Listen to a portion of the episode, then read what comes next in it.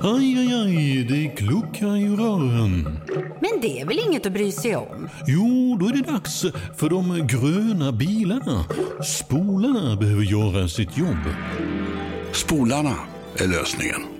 Ah, hör du? Nej, just det. Det har slutat.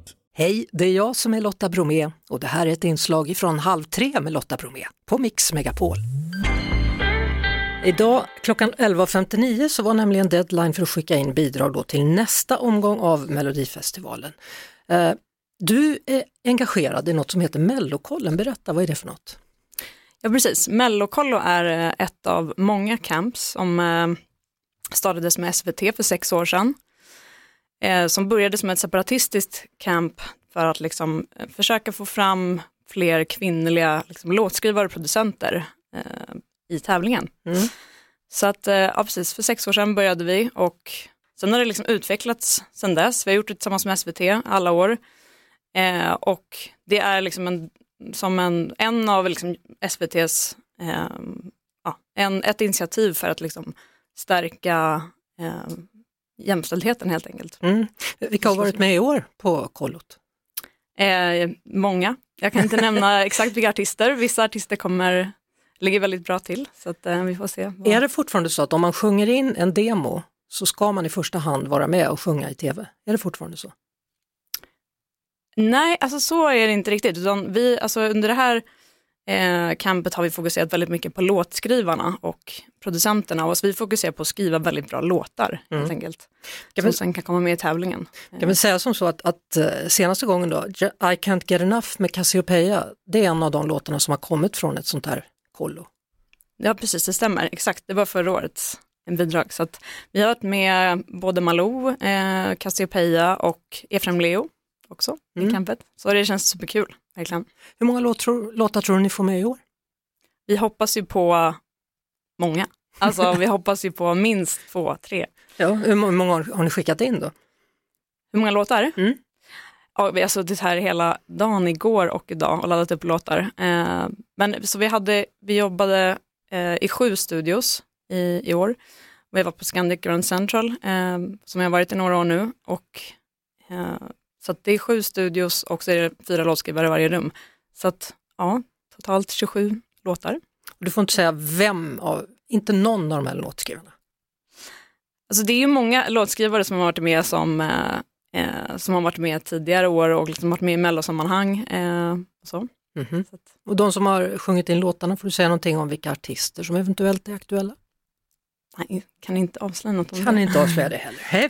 Men, men en sak kan du avslöja och det är hur många bidrag som har skickats in till Melodifestivalen. Du har färska siffror. Tiden gick ut 11.59 för att anmäla sig. Exakt.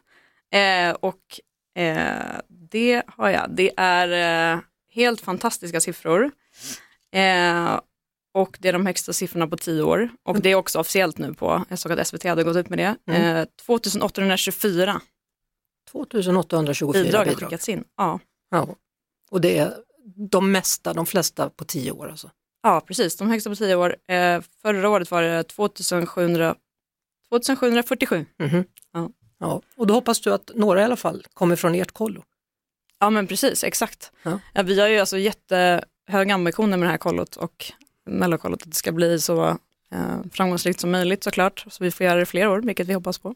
Vad är det som, som fortfarande är dragningen med Melodifestivalen? Varför vill man skriva låtar dit? Alltså det är ju verkligen ett fönster att, alltså både som artist och låtskrivare att eh, synas och liksom komma fram med sin musik. Så att, det är fortfarande så, det är ett jättehögt tryck på att skriva låtar till Melodifestivalen och det ska också sägas att det här är ju ett, alltså mello camp, vi kallar det mellokollo bara för att liksom differentiera oss från alla andra. Det finns ju väldigt många camps mm. där ute och det skrivs väldigt mycket låtar till, till Melodifestivalen i massa olika sammanhang. Eh, så att eh, ja, det är väldigt högt tryck, uppenbarligen också med tanke på hur mycket som är inskickat. Mm. Att, men alltså det här är ju framförallt, det är, väldigt, liksom det är fokus på att eh, alltså stärka, liksom få, få fram fler kvinnliga producenter och låtskrivare. Det var därför vi började med det för för sex år sedan. Mm. Och jag gör det tillsammans med min branschkollega Kristoffer som, Kristoffer Hansson som eh, eh, vi, har, vi har gjort det tillsammans i sex år. Mm. Då önskar vi er lycka till då, hoppas att ni får med i alla fall några låtar. Ja, Tack så hemskt mycket. Tack så mycket Minna Fagerstedt. Det var det.